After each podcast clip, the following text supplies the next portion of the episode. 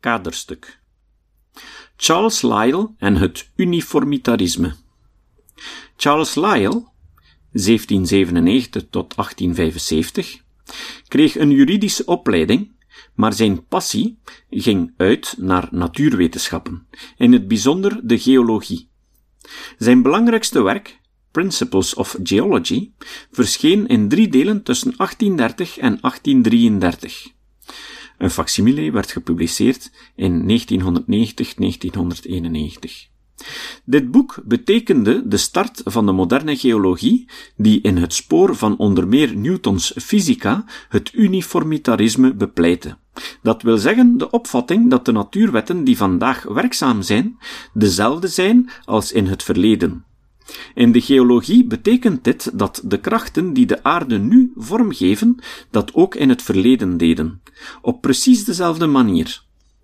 Lyell's pleidooi voor het uniformitarisme ging in tegen het catastrofisme, dat stelde dat de biologie en de geologische geschiedenis van de aarde werd gekenmerkt door catastrofes die voor radicale veranderingen zorgden, bijvoorbeeld de zondvloed. De ideeën die Lyell in zijn Principles ontwikkelde, hielden ook in dat de aarde veel ouder was dan wat toentertijd vrij algemeen werd aangenomen. Haakje open. Voor Lyell wezen onder meer de Schotse, eveneens uniformitaristische geoloog James Hutton en de Franse graaf en naturalist Georges-Louis Leclerc de Buffon er reeds op dat de aarde wellicht veel ouder was dan de vijf tot tienduizend jaar die men aan de hand van de bijbelse chronologie had geopperd.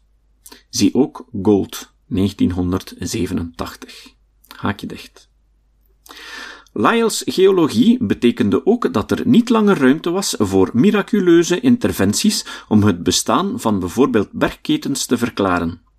Darwins theorieën, hoewel zelf uniformitaristisch, zijn niet het rechtstreekse gevolg van Lyell's opvattingen over de werking van natuurwetten.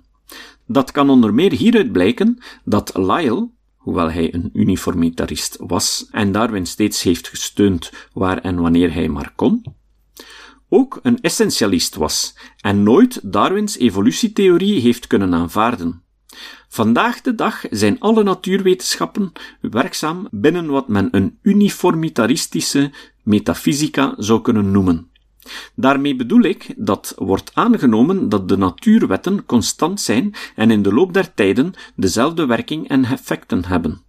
Zogenaamde pseudowetenschappen, zoals bijvoorbeeld het creationisme, zijn niet uniformitaristisch, aangezien ze aannemen dat het ontstaan van het leven en de verdere geschiedenis ervan enkel verklaarbaar is door het inroepen van mirakels, per definitie gebeurtenissen die in strijd zijn met de algemeen gekende natuurwetten.